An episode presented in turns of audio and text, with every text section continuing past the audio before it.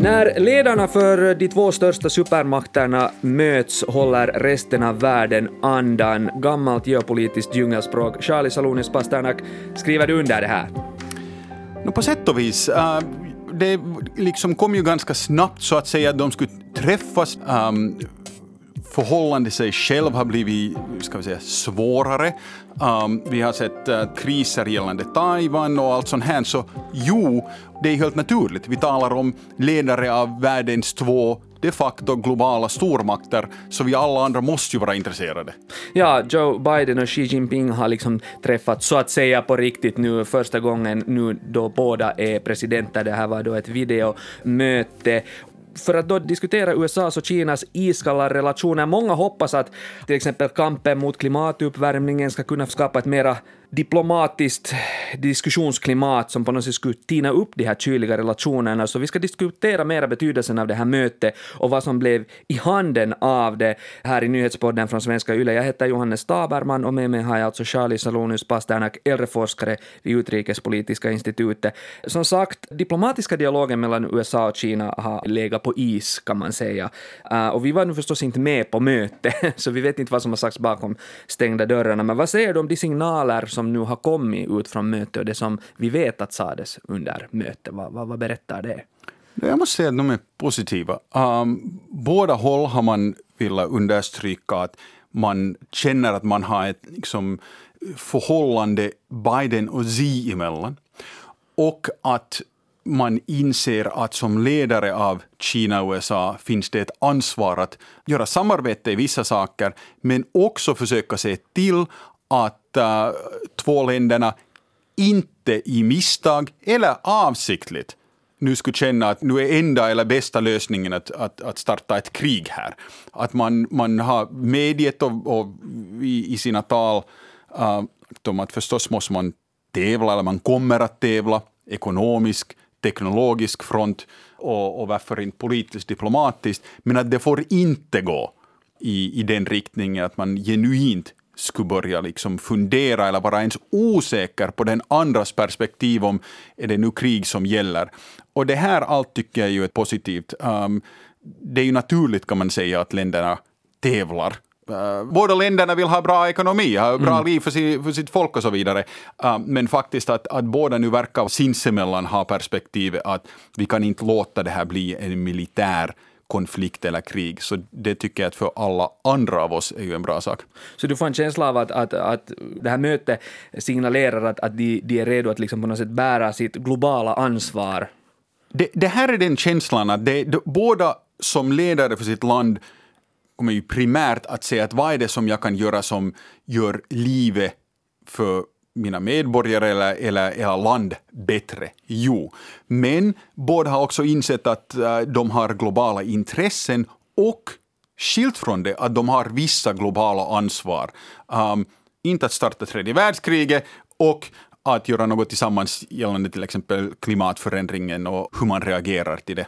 Mm. No, no, under det här mötet så det har kommit rapporter om att Xi kallar Biden för sin gamle vän och att det var liksom mycket såna här artighetsfraser och man visar liksom ömsesidig respekt. Vad berättar det här om, om USAs och Kinas relationer eller, eller Xis och Bidens no, relationer? De har ju lärt känna varandra redan uh, en lång tid sedan. Uh, de träffade väl ganska många gånger när Biden var vicepresident för Obama och Xi var i ungefär samma position i Kina så att säga. Så de har känt varandra nu en stund. Um, båda har sett hur, hur det här förhållandet har förändrats samtidigt som Kina har uh, vuxit i global makt. Um, men om man tänker på Obamas um, liksom första fyra års mandatperiod var man ännu försökte dra in Kina i, i systemet och, och ska vi säga mjuka upp Kina. Um, och sen därefter har vi då sett en, ska vi säga, mera sån här kampaktig som Trump kanske representerar, fast Obama lite börjar med det redan. Så det där, eh, de känner varandra. De inser att det här förhållandet har förändrats, att det måste förändras. Men som Xi sa, och det här kan man ju ta som en varning, eller bara att han genuint menade, att man måste bygga förhållande mellan länderna också på basis av sån här ömsesidig respekt. Mm. Och det kan ju vara signalering också gällande att hej, du president Biden har nog uh, vissa inrikespolitiska problem och det där, vi behöver inte råd från er gällande Hongkong eller uigurerna eller något sånt här. Eller Taiwan. Eller Taiwan. Um, men helhet är det ju alltid bättre att de talar på det här sättet, fast vissa kan vara ömsesidiga såna här liksom artighetsfraser. Så det där, mycket hellre säga det här än något annat. Men eh, skulle du säga att Biden är ute på någon form av liksom charmoffensiv nu efter de här problematiska åren med Trump? Uh, det här är vad vissa anklagar honom för i Washington. Uh, charmoffensiv, nej, det tror jag inte. Uh, Biden har varit lite lika som president Niinistö i Finland, har liksom gjort det klart att både personerna, Xi och Biden, men också länderna måste alltid vara klara på vad den andra tycker om olika saker och vad den andra hade tänkt göra eller inte göra. Och det här har då mindre kanske med charm att göra, men mera pragmatism och än en gång det här mera globala ansvaret. Um, Biden har talat under åren och skrivit om det här att det finns vissa stora problem. Det kan vara um, kärnvapen, nedrustning, klimatförändring och de här om man vill och ser sig som en global ledare så måste man bara ta itu med. Uh, och det är ju lättare att ta itu med dem om man ens kan diskutera och samtala än om man skulle skrika åt varandra. Så, så jag ser det inte som ett charmoffensiv utan mera en det här är hur man ska agera för att praktiskt nå något. Så, så på ett sätt liksom det stora resultatet hittills av det här mötet är det att man höll ett möte och att man nu för en dialog igen Uh, absolut. Uh, visst hade ju, ju förts dialog här under många år, men det att ledarna visar att hej, det finns vissa stora saker vi måste lösa ihop, vi kan tävla, men vissa saker måste vi mm, samarbeta på. Det gör ju det lättare sen för alla de som är ska vi säga, hierarkin under dem att inse att okej, okay, vårt politiskt mandat är att nå någon lösning på det här. Och vi kan inte gå till så att säga Vita huset och säga att sorry sir, det där, vi, vi, vi kunde bara inte diskutera ens det här. Um, så jo, jag säger att det viktigaste var att de har diskuterat och visat att nu kan vi på något vis försöka samarbeta. Okej, det är intressant det här liksom, okej, att man, man vill nu lite tona ner den här liksom hårda kraftmätningen som vi har sett mellan de här två supermakterna. Och den kraftmätningen har säkert inte försvunnit. Men är man nu på något sätt mera intresserad av, vi, vi talar mycket om det här liksom globala ansvaret, men hur mycket handlar det om i sist och slutligen om pengar? Jag menar, här har vi haft ett handelskrig som har pågått som har kostat båda länderna massor. Handlar det nu om att man har insett att det här står oss för dyrt, nu måste vi hitta spelregler för den här globala konkurrensen? Är det det som det egentligen handlar om. Visst, det är ju en central del. Uh, och det är en av de stora skillnaderna när det ofta talas om att nu är vi i ett nytt kallt krig. Under kalla kriget så inte var ju USA och Sovjetunionen ömsesidigt, inte bara beroende av varandra ekonomiskt, men inflätade. Och det här har man ju sett i, i forskarvärlden redan länge, att det här höll på.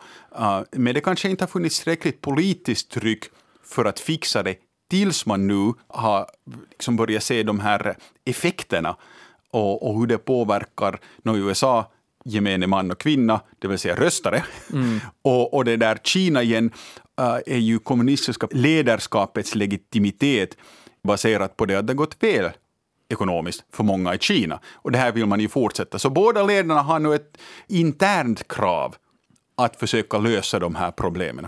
Mm, handelskrig är ju en stor fråga, inte bara för USA och Kina, utan det, det berör ju hela resten av världen också.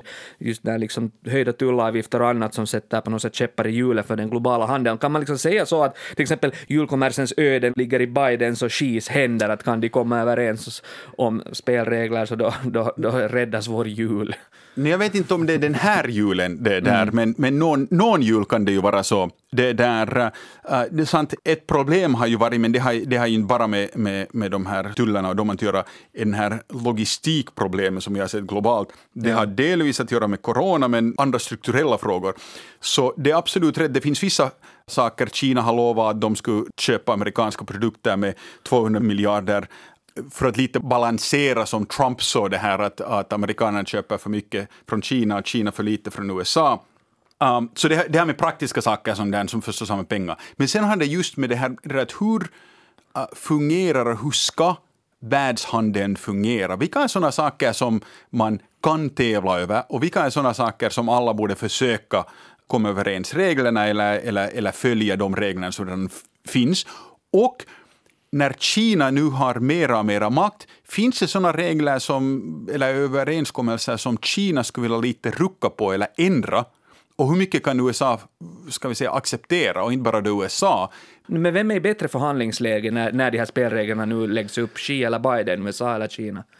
Um, no, på sätt och vis kan man ju säga USA, fast Kina har vuxit så om man ser på en helhetsglobal maktposition så har ju USA det bättre. En orsak är att man har ett globalt nätverk av uh, bundsförvanter, uh, allierade med mera. Det är ju lättare om man har många länder som man brukar samarbeta med. Så därför säger jag att USA nu är i en starkare position i det här. Uh, men det är ju naturligt kan man säga att man från Kinas håll förväntar sig att hej, vi har en stor makt här. Vi måste kunna på något vis påverka de här reglerna. Och det här är kanske en psykologisk förändring som man har sett i USA. De har insett det här och accepterat jo, nu är det väl så här. Jämfört med ännu i Obamas första mandatperiod var man tänkte att nå, reglerna är här och Kina måste bara acceptera allt. Inför det här videomötet mellan Xi och Biden så, så kom Kina och USA till alla stora överraskning överens om att kämpa tillsammans mot klimatkrisen. Det här var, det var under eh, klimatmötet i Glasgow. Kan liksom den här klimatfrågan vara en sån här möjlig gemensam väg mot, mot en liksom bättre diplomati mellan Kina och USA? No, det är en av de sakerna som det verkar att båda ledarna inser att de har ett ansvar helt för sina egna folk. Men de inser ju förstås att det här har med världsekonomin uh, också att göra.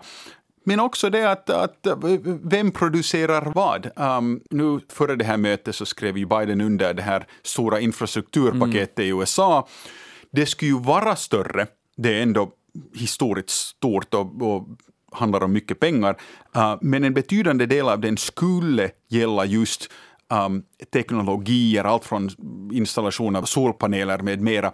Och Bidens tanke var ju att nu ska vi bygga en ekonomi, en infrastruktur som både stöder USAs uh, eh, aktioner gällande klimatförändring, men också förbättra och förstärka USAs ekonomi och möjlighet att tävla mot Kina. Det här med inrikespolitik, globalpolitik, klimatförändring, alla på sätt och vis ihop och därför kan alla berätta den berättelsen de vill. Och det är ju inte alltid så dålig sak, så att alla kan känna att hej, att vi fick något nyttigt av det här. Det måste ju vara en svår sits på något sätt för resten av världen att sitta snällt och följa med när de här två supermakterna för en sån ständig maktkamp om vem som är störst och starkast. Så kanske det gynnar omvärlden att både Kina och USA kan berätta en berättelse där de är vinnare. Jo, för att om det är liksom kravet för att båda ska kunna samarbeta så det är ju helt säkert fint för alla av oss i Finland om, om, om både Xi och Biden kan, kan berätta en berättelse om, om något år, att hur de har nu gjort så att USA har blivit vinnare i det här. Så det där, nu är det säkert bra. Och här blir det nog intressant att se. Vi har ju fått redan eh, en viss försmak till vissa av de kamperna vi kommer att se i framtiden. Men så där, för att avsluta, kan vi liksom nu andas ut efter att Biden och Xi har mötts och känna oss lite lugnare? Nu skulle jag säga så. Det kommer ju att skrivas mycket om det, speciellt i USA, att nu fick vi inte något konkret, stort. Uh, vissa har till och med det där uh, sagt att hur katastrofalt det är att, att Biden sitter ner och diskuterar saker med Xi utan att han har fått eller vunnit något för det. Jag tycker att det är helt naturligt att ledarna av världens två globala supermakter sitter ner, diskuterar, um, bygger vidare sitt förhållande, personliga förhållande, men också ska vi säga, bygger grunden för det att tjänstemännen på bägge sidorna kan diskutera många av de här konkreta sakerna, så att möjligtvis om ett år, två år kan de igen träffas och säga att hej, nu kommer vi överens och skriver under några överenskommelser. Eh, det sker ju inte bara sådär automatiskt, utan man måste bygga det här förhållandet och det är ju det förhållande som jag skulle säga kommer att ha största potentiella påverkan på världspolitiken. Om man säger kommande hundra år så kommer det decennier i alla fall. Charlie Salonius Pasternak, tack för att du kom hit till Nyhetspodden. Tack. Jag heter Johannes Taberman. Fortsätt lyssna på oss.